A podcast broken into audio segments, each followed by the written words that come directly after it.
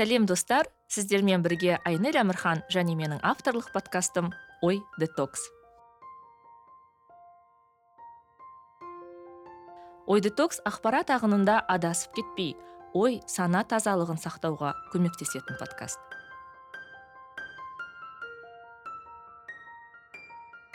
Сәлем достар. Ой детокс әлеміне қош келдіңіздер. Бұл менің түркістандағы екінші эпизодым. Және бұл эпизодты мен қожа ахмет яссауи атындағы халықаралық қазақ түрік университетінің кітапханасында жазып отырмын. Менің бүгінгі қонағым менің жақсы танысым ерекше құрметтейтін азаматтардың бірі қауымдастырылған профессор молдияр ергебеков мырза. Біз молдиярмен өте қызық тақырыптар аясында сөйлесеміз. Молдиярды жақсы білетін адамдар біледі. Молдиярмен шыққан эпизодтар өте қызық өтеді. Сондықтан аяғына дейін тыңдаңыздар және менің арнама жазылмаған болсаңыздар міндетті түрде қазір бірнеше минут уақыттарыңызды бөліп жазылыңыздар. Бұл мен үшін менің жобам үшін өте маңызды.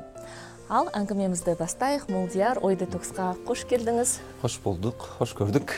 Иә жаңағы мені тек қана жақсы танысын деп таныстырғаныңыз дұрыс болмады деп ойлаймын. Сөйтіп айттым ба мен досым деп айтқан досым деп айтуыңыз керек еді айтпадыңыз мен мен сізді досым деп білемін иә біз доспыз мен жақсы досым деп айттым ба деп қанша жыл болды таныспыз білмеймін біраз жыл болды. Он жылға жуық шығар иә? Иә иә. Он жылға жуық болып қалды. Мен сіз мені әрине танымайтын кезде мен сізді таниды тұғым мен сізге де айтқан болатынмын. Негізі мен молдиярмен алғаш рет танысқанда өте қызық сезімде болдым. Өйткені біз қандай да бір ә, стереотиптер шектеулер аясында өмір сүреміз ғой. Сондықтан молдиярды маған профессор күшті ұстаз деп таныстырды да мен жаңағы костюм шалбар киген жинақы артық сөйлемейтін азаматты елестеткем сөйтсем молдияр ашық жарқын өлең де айтады қалжыңдайды да сондай. Артық та сөйлейді. сондай стереотиптерді бұзған азамат болдыңыз мен үшін иә пейперлабтың несінде танысқан едік кешінде танысқан едік. Оның алдында конференция болды. Иә. одан кейін кешінде караокеге барып ән айтқан едік. Иә. мен молдияр сізбен ұзақ уақыттан бері сөйлескім келіп жүрген себебі екеуміз феминизм тақырыбы аясында эпизод жаздық. Одан кейін біраз уақыт өтті. Және ютуб арнама шыққанда да молдиярмен жазсам екен деп жүргенде енді сіз қазір ә, шымкентте ә, түркістандасыз өзіңіз оның үстіне астанадағы бағдарламаларыңыз бағдарламаңыз бар. Ә, ұстатпайтын болдыңыз да мен үшін. Сондықтан ә, арнайы осы түркістанға келдім. Ә, және негізгі мақсатым медиа тақырып аясында сөйлесу. Ә, бірақ ойладым да молдияр кім деген сұраққа нақты жауап таба алмадым. Себебі мен танысқанда сіз ә, қазақ әйелінің медиадағы образын зерттеп жүрген ә, ғалым болдыңыз. Одан кейін журналистсіз одан кейін медиадағы этика мәселесіне аяқ бастыңыз. Жалпы кімсіз сіз немен айналысып жүрсіз? иә мен негізінде ә, коммуникация ғылымдарының докторымын. Ә, былай айтатын болсақ егер ғылыми тұрғыдан айтатын болсақ бірақ елімізде коммуникация деген ғылым жоқ. Сондықтан да менің жаңағы ә, түркияда бітірдім ғой мен. Ә, магистрлік және докторлық диссертацияларымды түркияда тамамдадым қазақстанға келіп нострификация алған кезімде ә, менің ә, маған өнертану докторы деген атақ берілді. Өйткені коммуникация докторы қазақстанда жоқ. Жоқ иә. Иә. Ал ә, өнертануға неге өнертану доктор деп берілді? Менің ойымша жаңағы менің докторлық диссертациям қазақ киносы және қазақстандағы ұлт мемлекет қалыптасу екеуінің арасында байланыс еді. Сондықтан да деп ойлаймын жаңағы өнертану деген ә, салада докторлық атағын берді. А так негізінде мен жаңағы коммуникация және медиа зерттеушімін. Коммуникация және медиа дегеніміз не? Бұл заманауи мағынада айтатын болсақ қоғамдағы ә, байланысты қоғамдағы коммуникацияны ұйымдастырып отырған бірден бір институт ол медиа. Медиа ол өте кең тақырып. Бұл жаңа қолымыздағы ватсаптан бастап сонау ә, кино өнеріне дейін баратын өте кең сала. Кино өнері расында да бір жағынан өнер болғанымен екінші жағынан медиа болып саналады.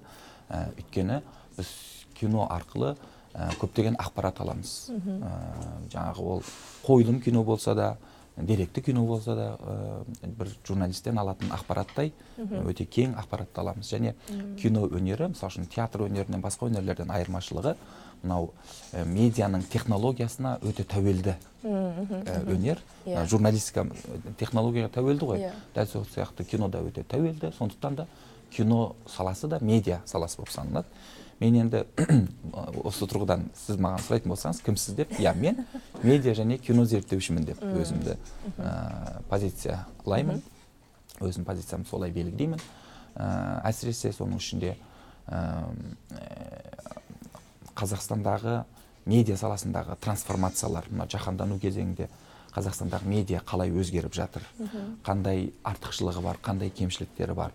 Одан кейін қазақ киносындағы трансформация ә, орталық азиядағы медиа мен кинодағы өзгерістер және жаңалықтар деген сияқты тақырыптар менің ә, негізгі зерттеу тақырыптарым. Соның ішінде гендер және этика мәселесі менің жаңағы маған өте қатты қызықтыратын салалар. Ә, сондықтан да мен көбінесе жаңағы этикалық мәселе екіншісі жаңағы гендер мәселесі. Негізінде мен гендер арқылы этикаға келген жоқпын. Этика арқылы гендер мәселесіне келдім. Өйткені гендер мәселесі негізінде бұл этикалық мәселе. Бәрінен бұрын. Өйткені жаңағы сен ә, адам ретінде өзге адамдарды жынысына тіліне дініне жаңағы ә, статусына ә, әлеуметтік статусына қарамай бір тең түрде қарай алу бұл этиканың ә, бізге ә, міндеттейтін негізгі мәселесі. Бізге яғни міндеттейді Иә. сондықтан да мен жаңағы осы этика саласын зерттей жүріп қарадым жаңағы елімізде медиада гендерлік мәселелер өте көп. Жаңағы әсіресе әйелді бейнелеген кезде еркекті бейнелеген кезде өте стереотиптік көзқарастармен белгілейді ә, бейнелейді деген сияқты. Сондықтан да сол осы екі саланы бірге алып жүруді ұйғарған болатынмын. Иә дұрыс. Ә, мысалы мен ойлаймын да ә, медиадағы этика дегеніміз не? Мысалы ә, бүгін күндіз жаңағы таңғы ас ішіп отырғанда ә, жалпы енді подкаст дегеніміз не ол еркіндік қой. Иә. сен келіп футболкамен отырсаң да болады жыртық жыртық шалбармен отырсаң да болады тіпті аяғыңды асып қойып отырсаң да.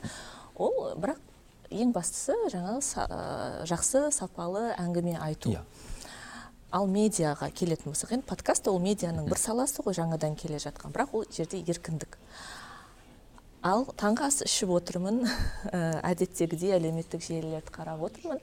Сол жерде бақытжан бұхарбай деген біздің замандасымыз бар. Сол кісі ә, астанада кездейсоқ бір бағдарламаға баратын шешіп ә, өзінің жаңағы киімінің ол бағдарламаға сай емес екендігін өзі шешеді де барып дүкеннен киім сатып алдым да сосын бағдарламаға бардым дейді тіпті шашыма укладка жасаттым дейді. Бұл маған бір қызық феномен болды да. Мысалы мен астанада біреу бағдарламаға шақырса мен мысалы қалай бармын солай барар едім Иә. деп ойлаймын. Сосын сіздің постыңызды оқып қалдым жаңағы жерде. Айнель ханым келді. Ә, біз өйстіп эпизод жазайық деп. Сөйтсем молдияр да костюм киіп алған галстук тағып алған. Бұның бәрі медиадағы этика мәселесіне арнала ма сыртқы болмысыңды немесе ол сәл тереңдеу нәрсе ме мен өз басым бұл киім кию әрине бір этик, этикамен байланысы бар этикетпен байланысы бар. Иә. дәлірек айтатын болсақ бір этиканың ә, этика саласы өте кең сала. Соның бір өте кішкентай ғана бір бөлшегі этикет бұл жаңағы біздің киім кию күнделікті өмірде жаңағы қоғаммен қарым қатынасымыздағы жаңағы ә, іс әрекеттеріміз деген сияқты. Ә, ал енді медиаменен қаншалықты қандай байланысы бар деп қарайтын болсақ әрине заманауи тұрғыда яғни оншалықты көп байланысы жоқ негізінде. Өйткені ә, расында да киім бұл біздің ә, тек қана біздің үстімізді жабатын нәрсе емес сонымен қатар біздің кім екендігімізді кімдігімізді ә, де айқындайтын ә, және сол жайында көпшілікке ә, жаңағы месседж дейміз ғой хабарлама беретін нәрсе. Сондықтан да әрине бақытжан мырза ол кісі өзін жаңағы сондай ә, солид дейміз ғой Иә, жаңағы иә. андай не ә, киінгенді ұнатуы мүмкін. Бұл ол кісінің өте үлкен таңдауы. Бірақ мысалы үшін сіз де бүгін өте майкл джексонның мен сізге сай болайын деп шештім ғой. Майкл джексон тірі болғанда бұл пиджагыңызды сатып алар еді. Қырғын ақшаға. Әттең ай десеңші жатқан жері жайлы болсын. Иә расында да жаңағы бұл не мысалы үшін бізде әсіресе мынау совет ә, дәуірінен қалған бір не бар дәстүр бар жаңағы. Мынау тв-ға шығатын ә, адамның киімі Иә. шашы мінсіз болу керек Иә, деген сондай бір түсінік бар. Ә, бұл түсінік негізінде дұрыс түсінік емес. Өйткені ә, медиа бұл тікелей мына қоғамменен қарым қатынас жасайтын бол, жасайтындығы үшін әрине жаңағы белгілі бір модельді қалыптастырып жатады белгілі бір үлгі болып жатады деген сияқты. Бірақ сонымен қатар мысалы үшін ә, қоғамдағы адамдардың бәрі жаңағы бірдей мінсіз Иә, емеспіз ғой. иә. яғни күнделікті өмірімізде маңызды болған нәрсе менің ойымша ә, сіздің не кигеніңіз және бұл киген киіміңіздің әрине ә, мынау технологияға сәйкестігі. Расында да мысалы үшін кейбір мынау клетка көйлектер ә, неде ә, камерада өте не қылады адамның көзін мазасын- деп айтады ғой иә, енді иә, орысша айтқанда. мазасын Иә. алады. Сондықтан да яғни бір тиянақты киін киінсек сол жеткілікті деп ойлаймын. Өйткені мынандай мәселе болды. Менің бір студентім бар еді. Иә. бұл студентім жаңағы кезінде бала кезінде құлап қалып мына ернін жыртып алған сондай сөйтіп ерні тігілген. Ә, тыртығы бар. Сөйтіп ә, бұл кісі жаңағы ә, журналистикада оқиды. Ә, сөйтіп жазда жаз айында жаңағы телевидениеға барып жұмысқа ә, не жасаған практика жасаған ғой. Сол кезде тілші болуға рұқсат бермеген. Неге деген сенің өйткені ерніңде мүкіс бар. Бұл мысалы үшін бұл ә, керісінше өте қа- қате бір нәрсе Иә. иә, этикалық тұрғыдан. Өйткені ол ә, мүкістік ол жаңағы бір ол кісінің қалай деп айтсам сапасына әсер етпейді. Иә, иә. түсіндіре Иә, журналистік сапасына әсер етпейді. Біз ол оның жаңағы сұлулығына көркемдігіне емес біз оның сапасына қарауымыз керек адамның. Қаншалықты әдемі сұлу киінгендігіне емес ол журналист ретінде не істеп жатыр? Және қандай бізге ақпаратты өте толыққанды сапалы түрде жеткізіп жатыр? Осы мәселеге әлдеқайда көп көңіл бөлуіміз керек. Бірақ өкінішке қарай жаңағы советтерден қалған сондай бір дәстүр бар. Иә. Ә, өте әдемі киіну керексің мінсіз киіну керексің шашыңды жаңағы укладка жасау керексің деген сияқты. Мысалы үшін бізде сана бағдарламасында да Иә. жаңағы иә, келеді ғой. Иә. сол кезде күтіп қаламыз кейде қонақтарымызды жаңағы ә, әсіресе жаңағы ә, әйел қонақтарымыздың жаңағы шаштарын әрқайсысын укладка жасап отырған кезде. Бірақ оны да түсінемін. Ол жаңағы ә, менің ә, сол медиа органның стандарты ол стандартқа сай болу керекпіз. Бірақ менің ойымша ол стандартты әлдеқайда бір не қылуымыз керек деп ойлаймын. Жаңағы демократизациялауымыз керек деп ойлаймын. Иә мен де әңгімені енді бұдан бастаған бақытжан бұқарбай бізді көрсе ренжіп қалмасын. Ол мәселе ода емес. Мәселе біздің біз медианы тәрбие құралы ретінде қарастырамыз ғой енді. Сондықтан жаңағы әдемі болмысы әдемі әдемі сөйлейтін не айтқаны кейде белгісіз мен қажет емес болады да әдемі қазақ тілінде орыс тілінде болсын жатық сөйлейтін адамдарға біз м, бір ерекше құрметпен қараймыз. Ал а, шын мәнінде жаңа медиадағы этика мәселесі ол толерантты болу өзгенің пікіріне шыдамды болу түрлі а, көзқарастағы адамдарға аудитория беру емес пе? Иә. Дұрыс айтасыз. Негізінде мынандай нәрсе бар. Этика және морал деген нәрсе бар. бұл екеуі өте қызықты нәрсе. Екеуі бір нәрсені зерттейді бірақ екеуі бір бірінен бөлек бір бірінен бөлмейтін ғалымдар да бар бірақ мен ә, бөлем бұл екеуі екі бөлек нәрсе. Этика дегеніміз ол мысалы үшін ә, бұл ә, үлкен философия және теория және бүткіл адамзатқа жалпы ортақ дұрыс пен бұрысты табуға тырысады. Бүткіл адамзатқа дегенде абсолюттік мағынада. Жаңағы қазақстанда болсын уругвайда болсын оңтүстік африкада болсын ә, өмір сүретін адамдар үшін жаңағы этиканың дұрыс деген нәрсесі барлық үшін дұрыс болу керек бұрыс деген нәрсесі барлық үшін дұрыс болу керек. Ал морал деген нәрсе немесе морал бұл жаңағы белгілі бір қоғамға тән ә, ә, этикалық көзқарастар. Мысалы үшін айталық жаңағы ә, біз ә, біздің қоғамымыз жаңағы ауызша әдебиетке өте бай ә, қоғам. Ә, біз тіпті сол жаңағы 19 ғасырға дейін бәлкім жаңағы ауызша әдебиетті қалыптастырған қоғамбыз. Сондықтан да біз тілге сөз айтуға сөз сөйлеуге өте көп мән береміз. Сондықтан да біз жаңағы мынау жанымыздағы алдымыздағы адам қаншалықты шешен болса ол соншалықты ақылды Иә. соншалықты жаңағы іскер соншалықты керемет адам сияқты болып көрінеді көзімізге. Иә. Мына риторика дейміз ғой Иә. жаңағы. Сондықтан да болар жаңағы әсіресе мынау медиа саласында жаңағы журналистерді алған кезде қаншалықты шешен қаншалықты мақалдатып сөз сөйлейді қаншалықты жаңағы не қылып қазақи құндылықтарды қаншалықты деңгейде әдемі насихаттайды. насихаттайды. Иә. Иә насихаттасын. бірақ бұл жерде маңызды болған нәрсе жаңағы анау тіліне тіл ә, байлығы ретінде көреміз. Иә. әрине журналистиканың белгілі бір ә, несі ә, бөлшегі бұл тіл байлығыменен байланысты бар байланысы бар сала. Бірақ тіл байлығы деген кезде де ол жаңағы ә, тек қана мынау ә, демагогия дейміз ғой. Көп сөз. Көп сөз емес иә. тіл байлығы дегеніміз. Тіл байлығы дегеніміз шорқақ болу керек болуы мүмкін адам тілге. Бірақ ә, қалай деп айтсам болады мынау анализдері өте мықты болуы мүмкін. Сондықтан да бұл жердегі журналистика және тіл байлығы деген кезде анализді еске алуымыз керек. Яғни бұл адам мысалы үшін бұл тақырыпты қалай талдай алады? Талдау үшін қандай техникалар қолданады қандай инструменттер қолданады? Және бұны жаңағы кейін мынау сторителлинг дейміз ғой Иә. бұны бір хикаятқа айналдырған кезде бұны қаншалықты өте түсінікті тілменен керемет нақты нақты жасай алады сол нәрсеге қарауымыз керек. Өкінішке қарай көбінесе оған қарамаймыз біз. Қайталап айтамын жаңағы мақалдатып жаңағы тіпті кейде әсірелеп кетеді ж әрпінен бастап сөйлей бастайды жаңағы ж ж ж ж деп жаңағы сөздердің бәрін ж әрпінен бастайтын сөздерді не қылып осылайша оның жаңағы керемет ә, сөзге шешен екендігін осылайша көрсеткен болады. Бірақ өкінішке қарай ол журналистеріміз көбінесе этикалық мәселені өте көп бұзып жатады және көбінесе популист іс әрекеттер Иә. жасап жатады. Және ә, тіпті кейбіреулері ә, жаңағы фейк ақпараттар да таратып жатты. Ә, аттарын айтпай ақ қояйық әріптестерім өйткені мен де қазір мына журналистика саласында болғаным үшін ешкімді ренжіткіңіз келмейді ма? жоқ ешкімді ренжіткен емес жаңағы қалай деп айтсам болады.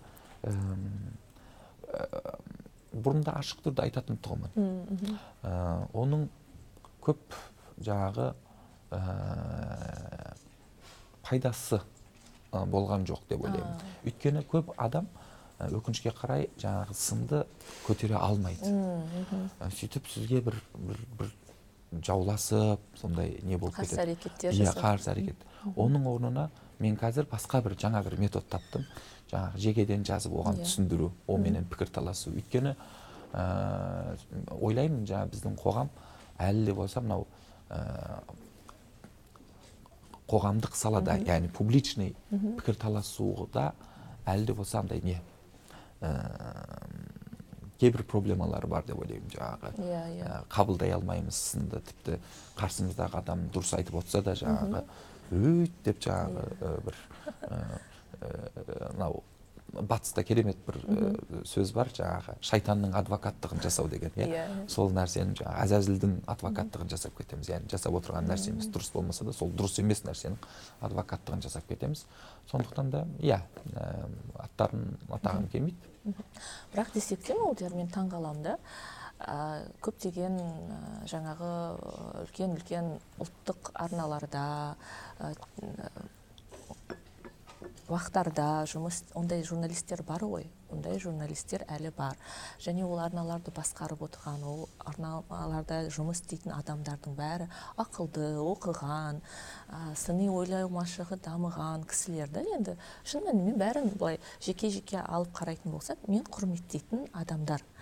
Бірақ неге сондай адамдарға олар уақыт береді час жаңағы көп адамдар қарайтын уақытты береді? Ондайда бір өздерінің қандай да бір пайда табамыз деп ойлай ма немесе шын мәнінде сол кісілердің айтқаны дұрыс деп ойлайды ма? Ә, негізінде менің ойымша қазіргі кезде мынау ә, журналистиканың ең үлкен проблемаларының бірі және журналистиканың мынау ә, этикалық этиканы бұзуына себеп болып отырған проблемалардың бірі бұл мынау ә, диджитал технологияның нәтижесінде келген ә, лайк жинау мәселесі. Иә. Яғни қаншалықты көп лайк жинасаң сен соншалықты көп көрілген болып саналасың. Қаншалықты көп жаңағы көрілген болсаң соншалықты көп жаңағы ойыңды пікір, пікіріңді таратқан боласың. Бұл әрине дұрыс нәрсе. Иә дұрыс болғанда яғни бұның шындық пайы бар иә. Бірақ ә, медиа осы бір артықшылықты пайдалана отырып өте керемет идеяларды таратудың орнына ә, көбінесе ә, керісінше қоғамға өте оңай түсінілетін қоғамның онсыз да күнделікті күн тәртібінде бар жаңағы мәселелер. Және қоғамның бұл жайында не айтатыны белгілі мәселелерді көбінесе алға тартып осылайша жаңағы көп көрілуге тырысады осылайша көптеген лайк жинауға тырысады бұл әрине бірден бір несі? Себептерінің бірі жарнама. Яғни коммерциялық бағыт бар да бұл жерде. Сен қаншалықты көп көрілсең соншалықты көп жарнама ала аласың және жарнамаңның да құны соншалықты артады деген сияқты. Ә, қазір екі күн бұрын ауылда болдым.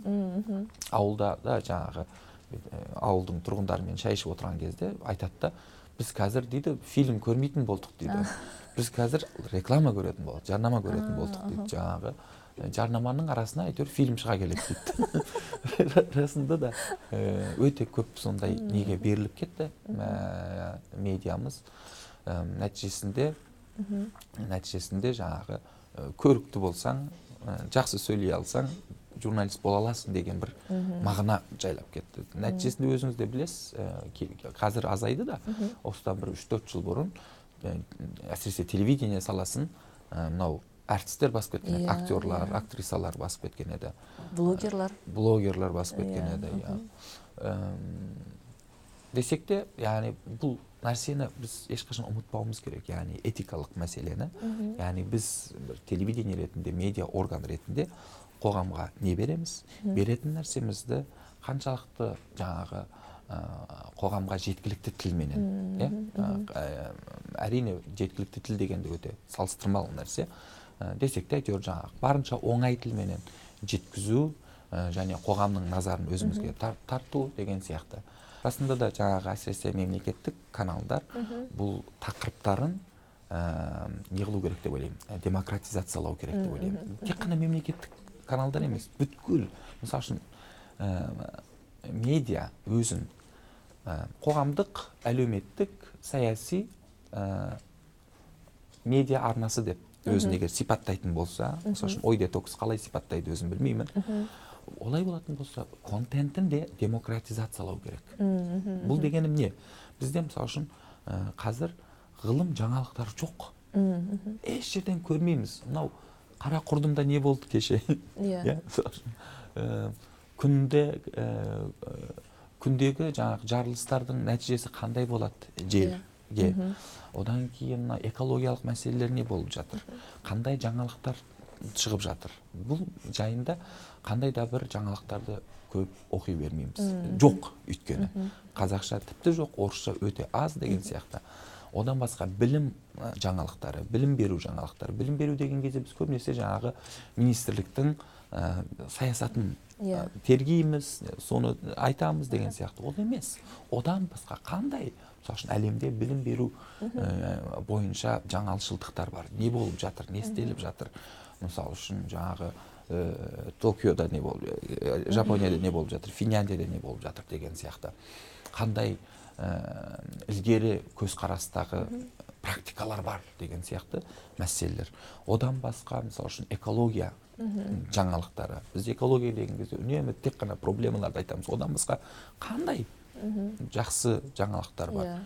Иә. бұлар өте маңызды көп адам ойлайды бұларды ешкім көрмейді ешкім yeah. Иә. оқымайды деп жоқ негізінде сіз көрсетпегеніңіз үшін ешкім көрмейді мынау ә, лазерсфелд деген маңызды жиырмасыншы ғасырдың ғалымдары бар ғалым, ә, ғалымы бар осы медианы зерттеген оның керемет бір сөзі бар. Былай дейді. Медианың күші көрсетіп жатқан нәрсесінде емес. Көрсетпей жатқан нәрсесінде дейді. Яғни сіз бір медиа ретінде ә, құрған кезіңізде бір орган ретінде өзіңізге қараңыз институт ретінде. Сөйтіңіз сіз нені көрсетіп жатырсыз?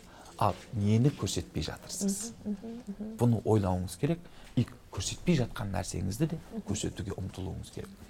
Ә, қазір елімізде медиа жекеменшік болсын мемлекеттік болсын көбінесе саясат тақырыптарына қатты ден қойып кеткен. Иә. бұл өте маңызды. Әрине қоғамда ә, саяси мәдениет қалыптасу үшін медиа ә, саясат ә, жайында көптеген ақпараттар тарату керек саяси бағдарламалар болу керек деген сияқты. Десек те қоғамды ілгеріге таситын нәрсе ілгеріге алып баратын нәрсе саясат емес. Ғылым. Керісінше маңызды жақсы саясат сол ғалымдар арқылы қалыптасады.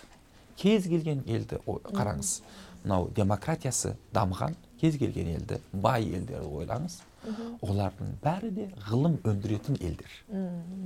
Анау кімдерді айтып отқан жоқпын?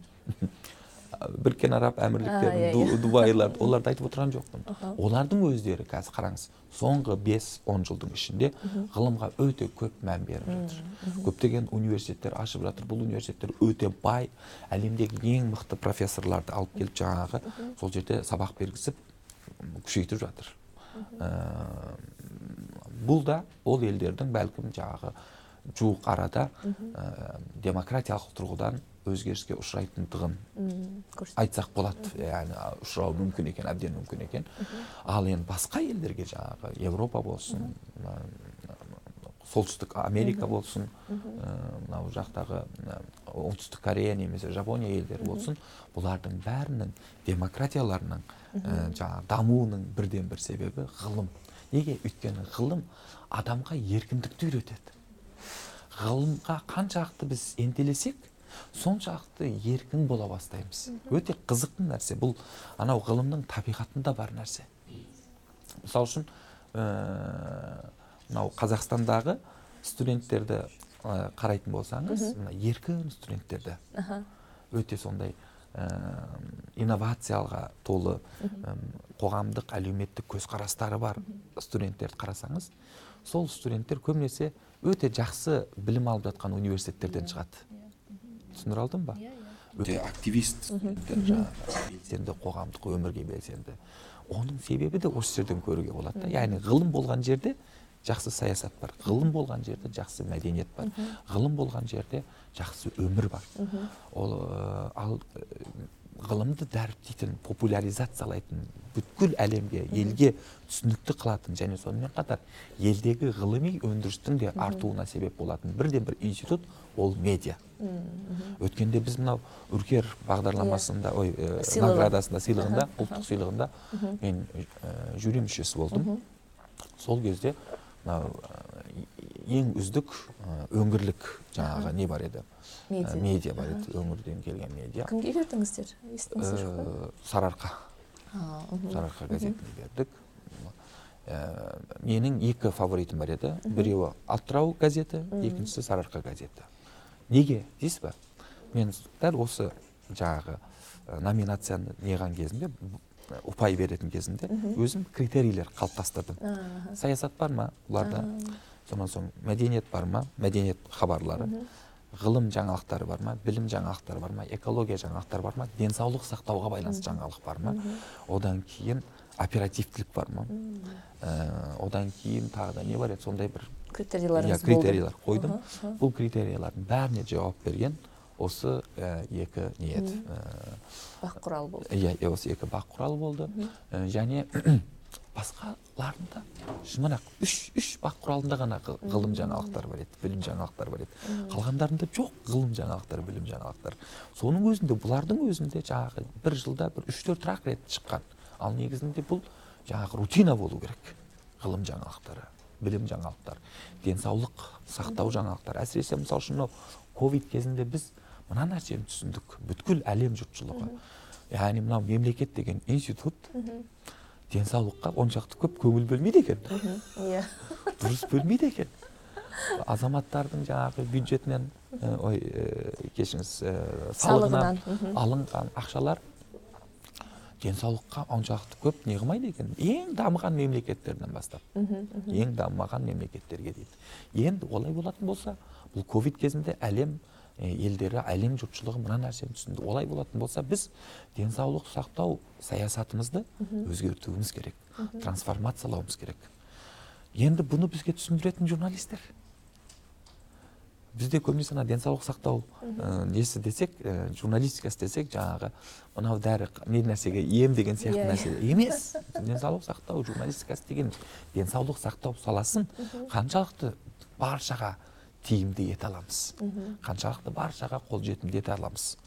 Қаншалықты ә, жаңағы бұны жақсы бір жағдайға алып келе аламыз. Мысалы үшін қараңызшы соңғы жылдары өзіңіз де байқап жүрген шығарсыз. Фейсбукта кішкентай балалар жаңағы мынау обыр ауруымен ауыратын балалардың видеолары көбейіп жатыр. Елімізде мен түсінбеймін. Яғни неліктен мысалы үшін бір журналист бұны зерттеп неліктен бұлар жаңағы халықтан көмек сұрайды? Мемлекеттің бұған беретін көмегі жоқ па? Иә. Иә. Ә, бұлар енді зәру адамдар ғой. Неліктен біз жаңағы бір ә, мемлекетіміз бола тұра бұлар жаңағы тікелей мемлекеттен не қылып көмек алып жаңағы емделмейді. Қоғамнан сұрайды. Осы нәрсені тергереді бұл және бұл бір ғана мақала емес бұл бұдан сіз жүз мақала шығарасыз жүз зерттеу шығарасыз.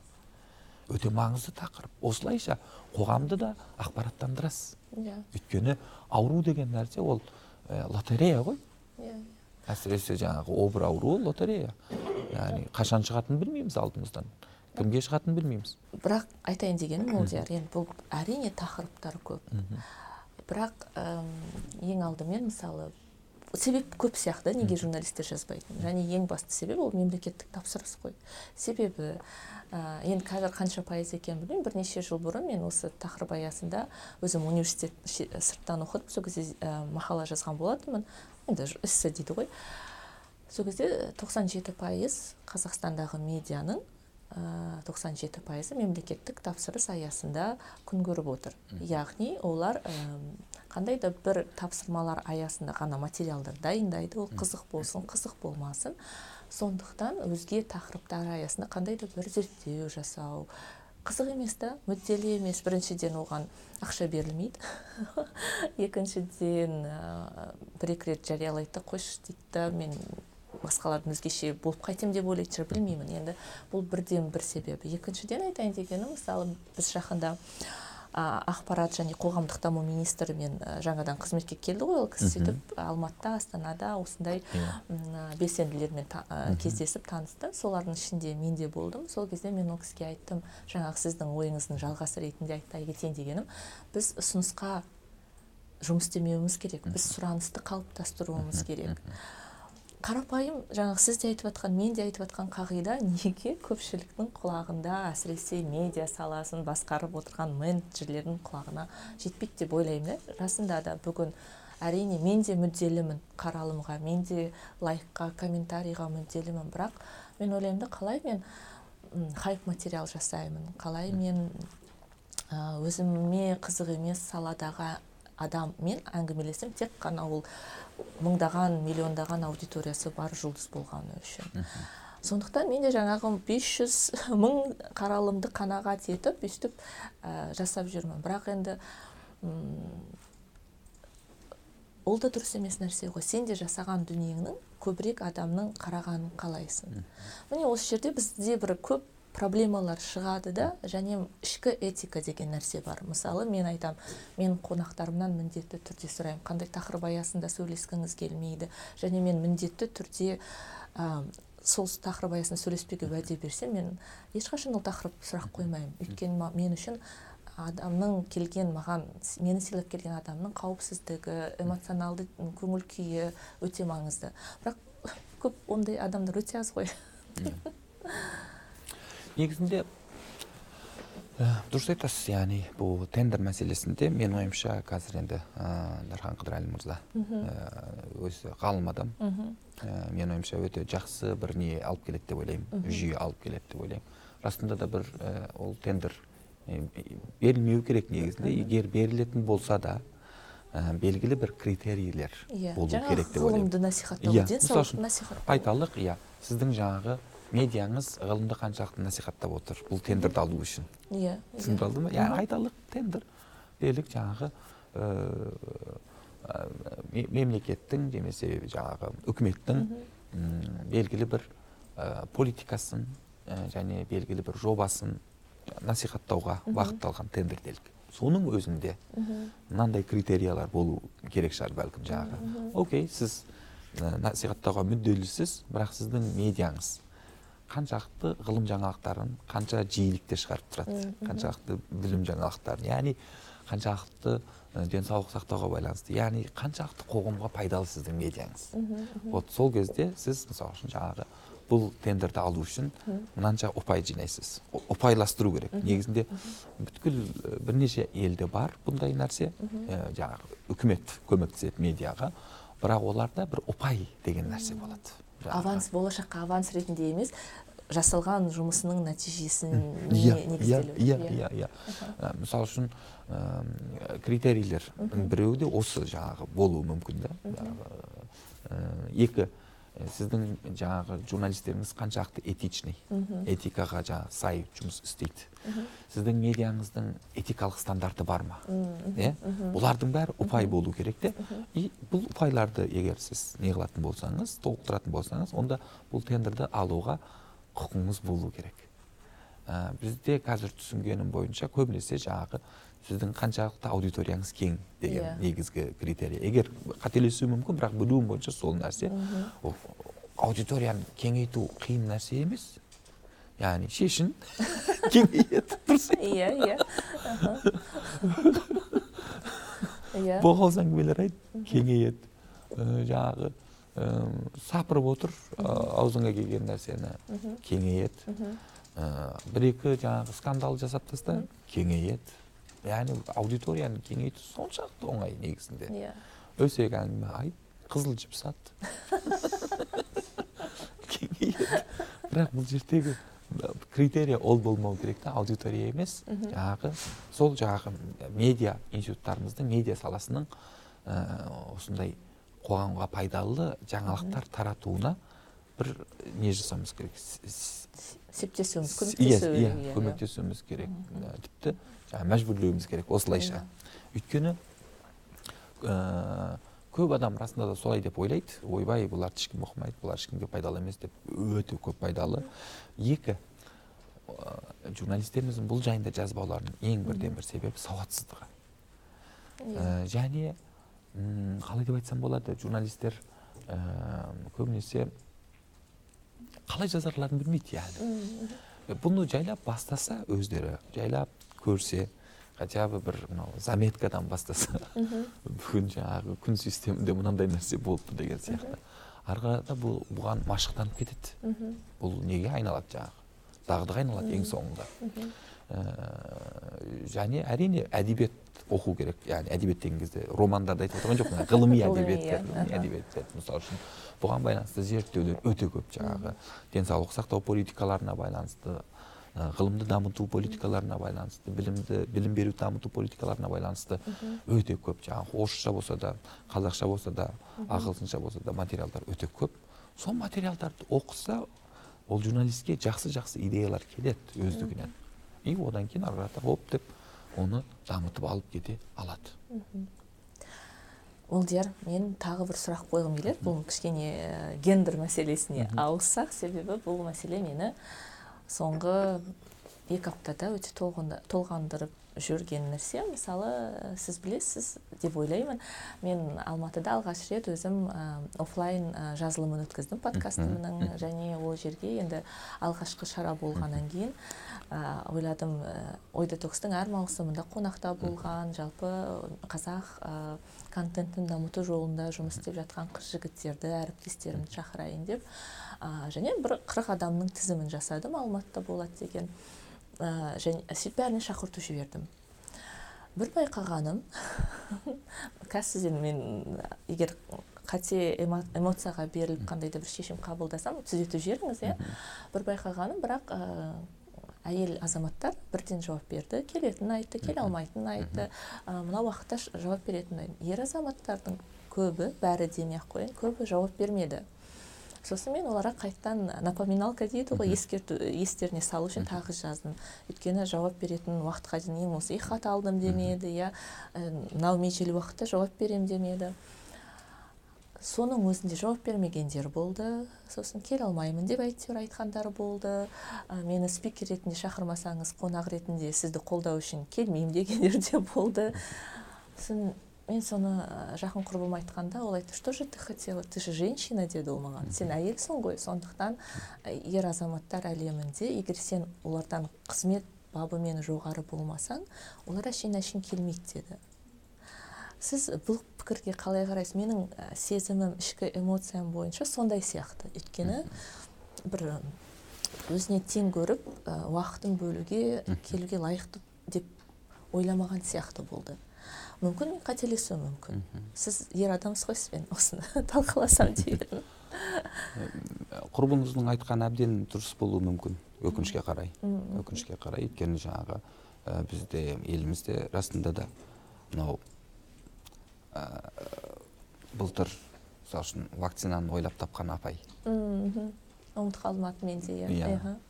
Мысалы үшін сол кісі еркек болғанда біз қазір атын білетін едік. Иә. Ә, және ол жер көкке сыйғызбас едік ә, кем дегенде жаңағы тоқтар әубәкировтың несіне алып барар едік жаңағы дәрежесін алып барар едік жаңағы біреу ғарышты бағындырған болса біреу жаңағы ә, алапат ә, неге ә, вирусқа қарсы вакцина ойлап тапқан адам ретінде.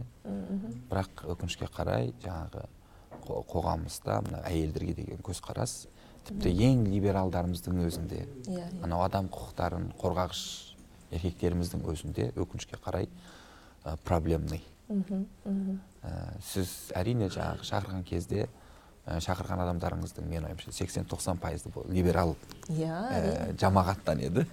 Ел алдында жүріп қазақ әйелін қорғап жүрген. бірақ ә, мен шақырған жоқсыз мен айтып қояйын. Енді түркістанда деп шақырмаған шығарсыз? Иә. тек қана алматылықтар иә шақырған алматылық алматыда болсам сіз ол тізімде жоқсыз. Өкінішке қарай иә жаңағы сіз гендерлік жаңағы ерекшелігіңіз роль ойнаған болуы мүмкін. Сондықтан да осы жерде детокс арқылы яғни әріптестеріме жаңағы ойдастарыма енді мен де өзім соншалықты либерал деп қарамаймын десек те жаңағы ә, либерал ойдастарыма идеаластарыма айтар едім. Жаңағы ә, сіздер керісінше көмектесуіңіз керексіз ә, ер адам жасаған кезде міндетті түрде барар еді көбі. Яғни бір, бір өздеріңіздің рухтарыңызды қайтадан бір тергеуден өткізіңіздер деп айтар едім. Иә иә жіберемін осы ссылканы бәріне. бізде де сол да мысалы подкастерлік салада ә, сұхбат алатын өйстіп әңгіме айтатын қыздар азбыз. Және жаңа сіз айтып жатсыз ғой жаңағы вакцинаны ойлап тапқан әйел болса біз атын білер едік. Сол сияқты ә, қазір ә, кім күшті интервьюер десе сіз ә, блогер болсын подкастер болсын ер азаматтардың аты бірден шығады иә.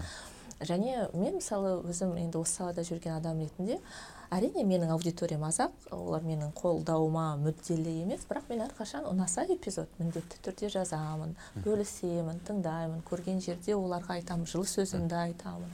Себебі енді кез келген контент жасай жүрген адам үшін ол маңызды да.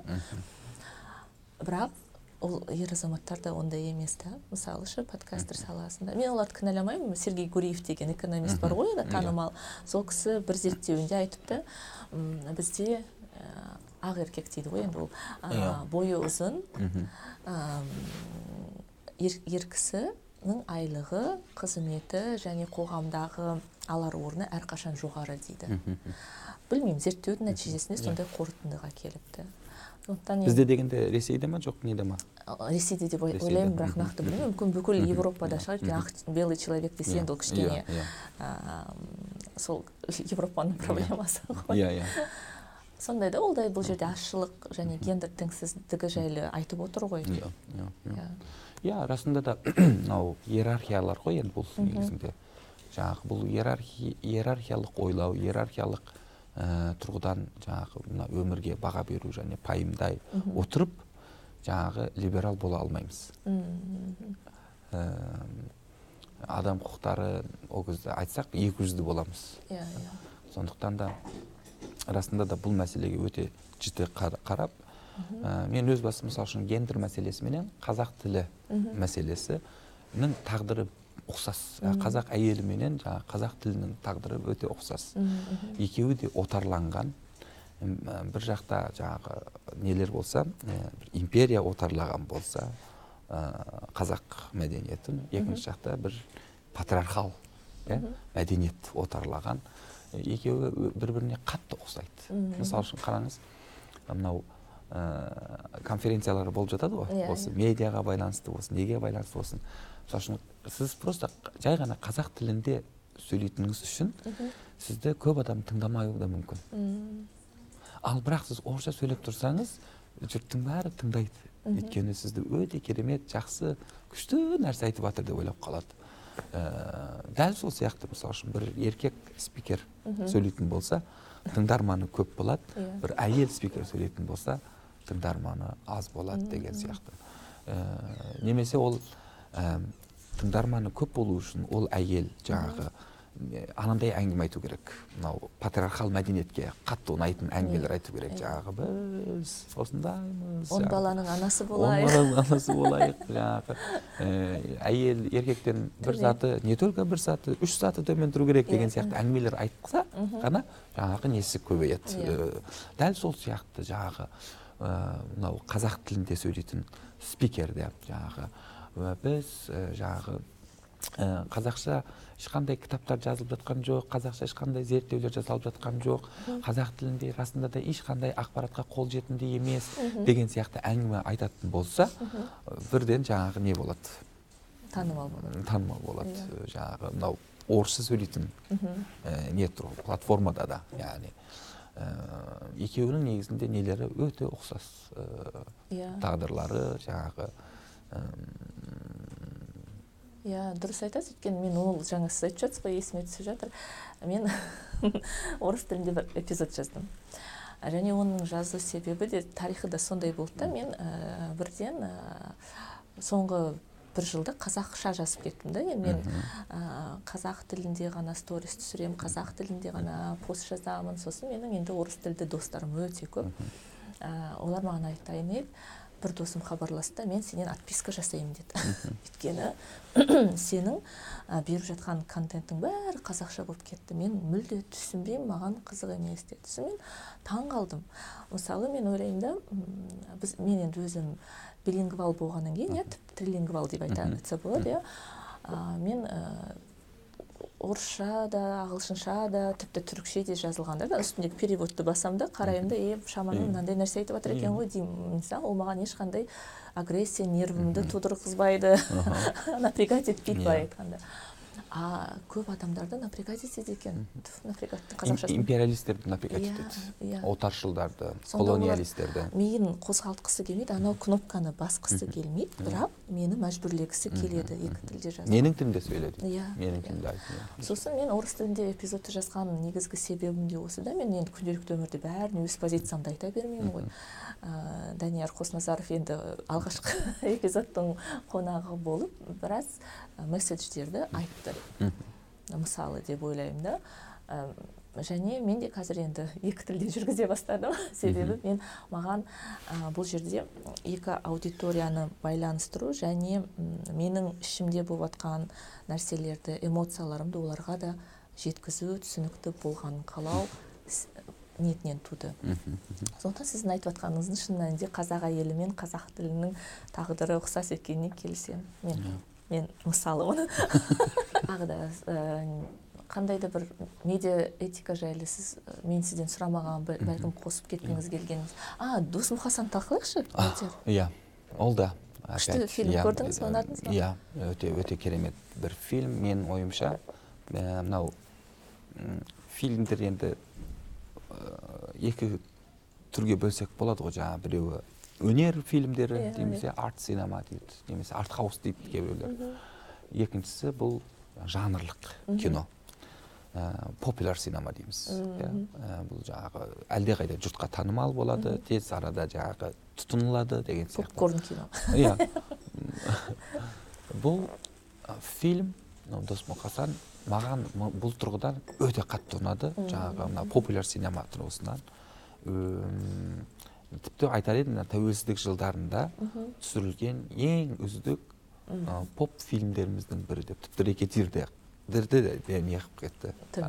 Иә иә өйткені рекетир енді ол жаңағы романтизациялайтын бандитизмді романтизациялайтын бір фильм еді. Яғни бір мә- мәдениет жоғарғы мәдениет тұрғысынан қарайтын болсақ досмұқасаннан әлдеқайда төменде.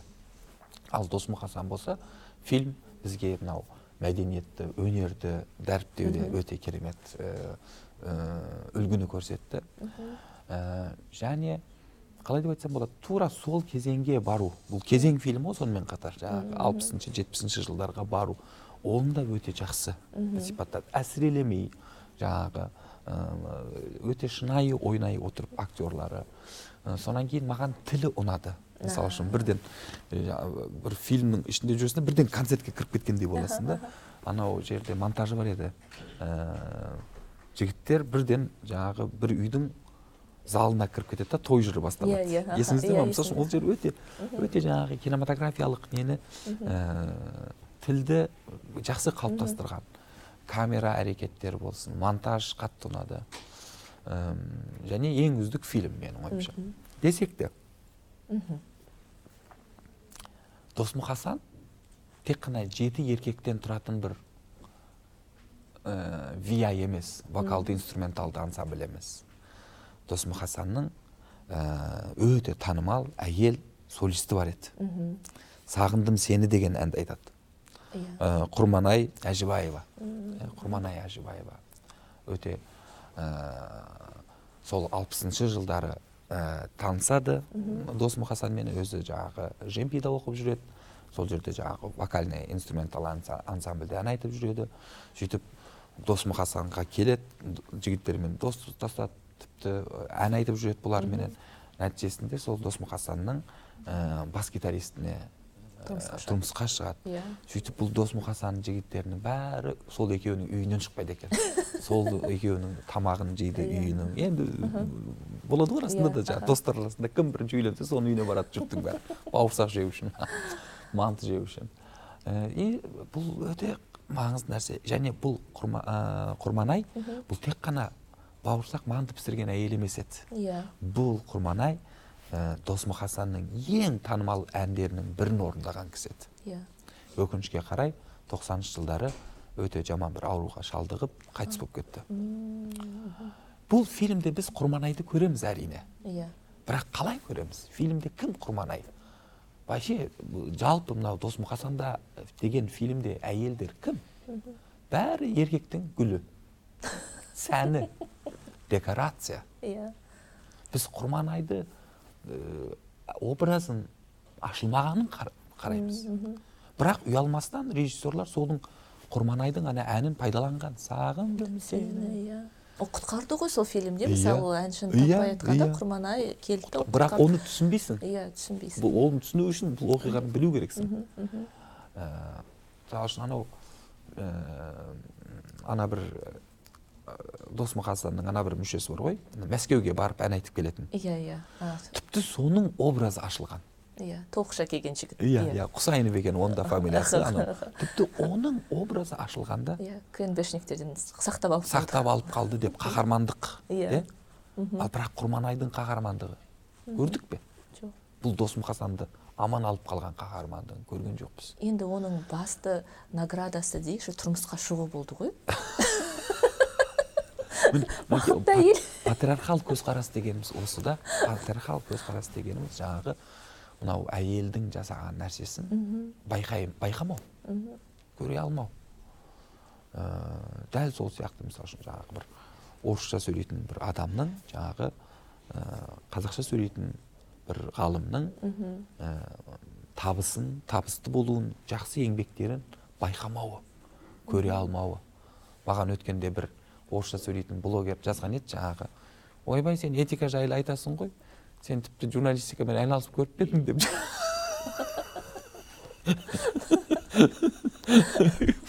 Қайтсын енді ол кісі. Түсіндіре алды ма қазақша Иә. телевидение көрмейді. Сана бағдарламасын білмейді.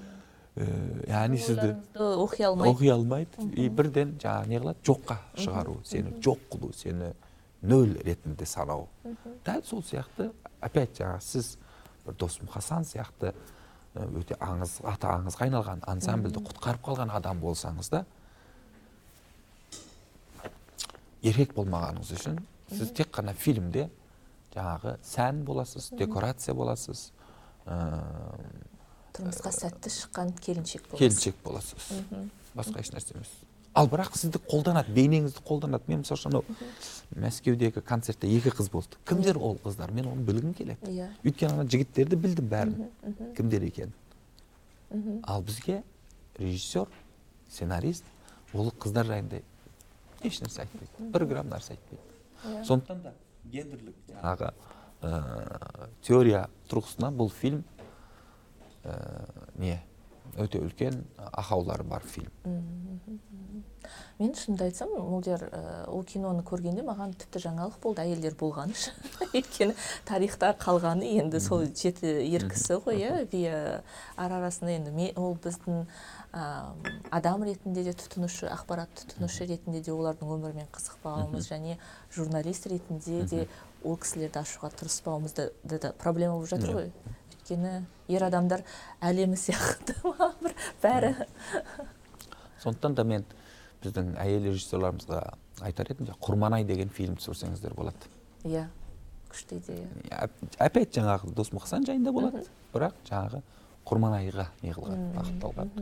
Ә, дауысы расында да менің ойымша мынау қазақ әншілері бар ғой жаңағы нағима роза ә, мақпал үштік яғни эстрада. Сол жылдардың ішіндегі ең сол төртінші осы құрманай еді.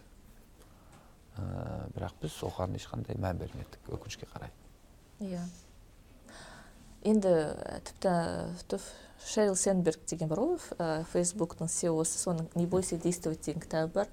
Ол жерде айтады да әдетте әйелі мен күйеуіне екеуі де ақылды білімді бірақ ә, екеуіне де бірден жаңағы жұмыстан ұсыныс келсе жақсы қызметке біреуі жаңағы басқа штатта біреуі басқа штатта міндетті түрде біздің қоғам тіпті олардың қоғамында да мынандай түсінік қалыптасқанда әйел бәрін жаба салып ана ер адамның артынан кету.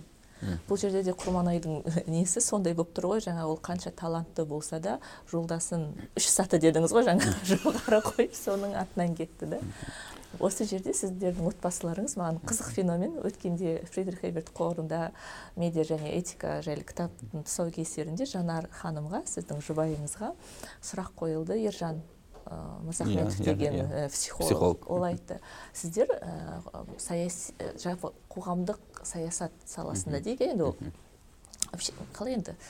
Ә, публичный личность ретінде Иә. екеуіңіз де қатар жүрген адамдарсыздар. Оның сыры неде деп сұрақ қойды мен енді сол сұрақты сізге ә, қойғым келеді. Өйткені өткенде жанар ханымның жауабын естідім. Енді сіздің жауабыңыз қандай болады? Отбасыда мешать етпей ма? Бөгет жасамай ма?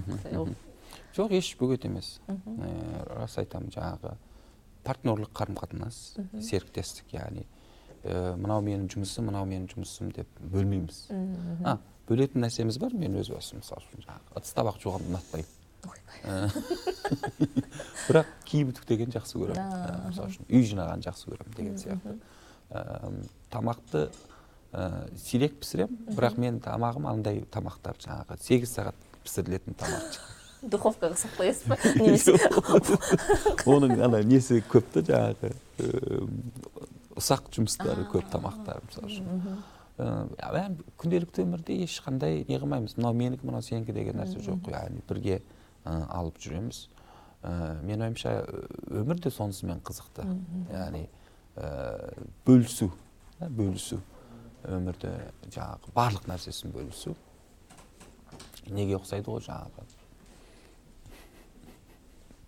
Жарайды айтпай ақ қояйын интрига бола айтыңыз енді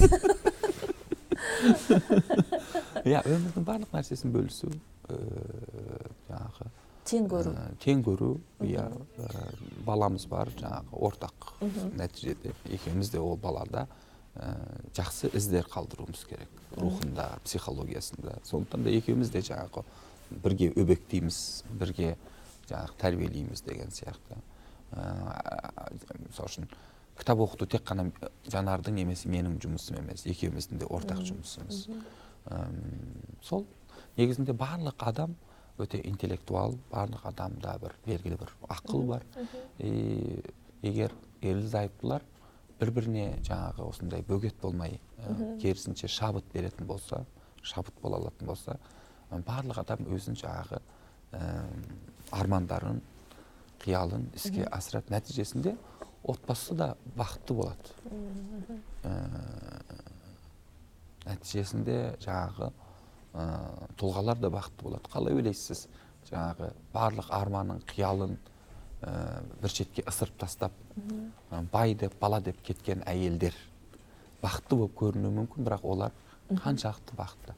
Олардың көздеріне қарасаңыз ә, немесе жаңағы балаларына жасаған нәрсесін қарасаңыз негізінде бақытсыз екенін көруге болады.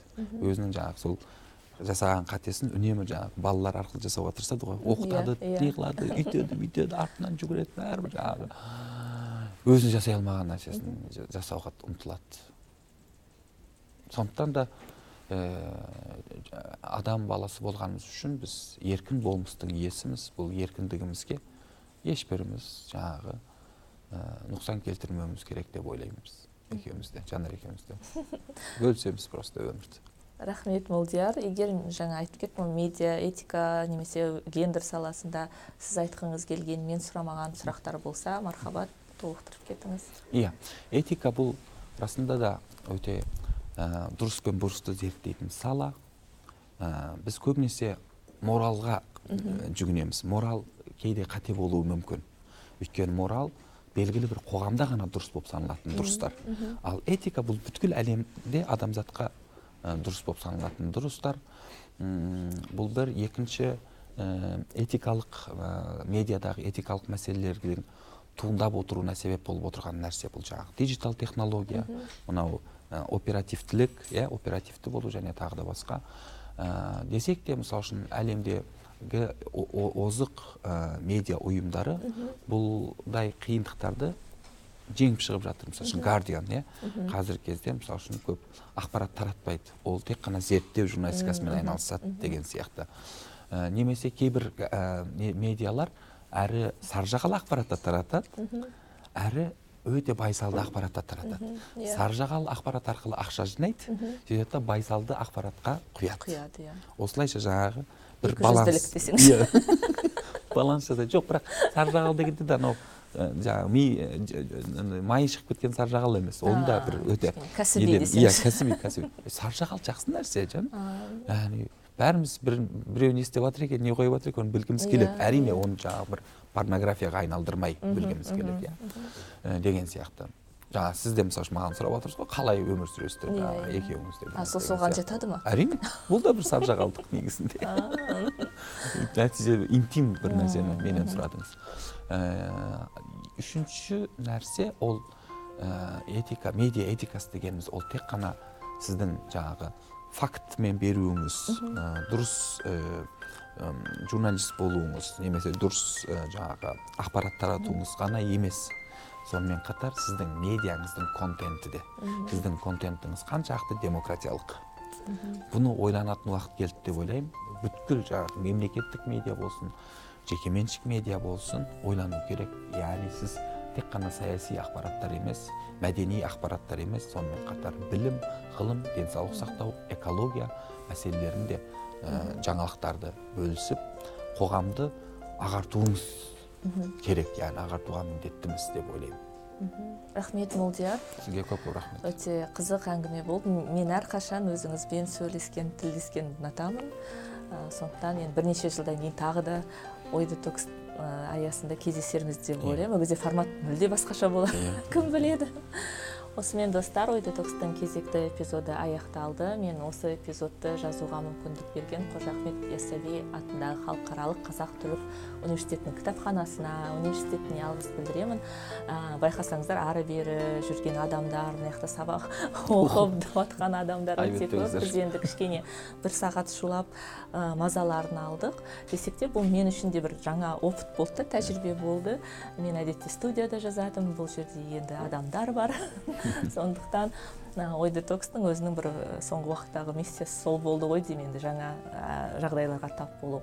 Міндетті түрде біздің әңгімеміз туралы өз пікірлеріңізді комментарийға қалдырыңыздар менің арнама жазылмаған болсаңыздар жазылыңыздар. Ой детоксты қолдаушылар қатарына қосыламын десеңіз де қосылыңыздар. Барлық ақпарат осы видеоға сипаттамада болады.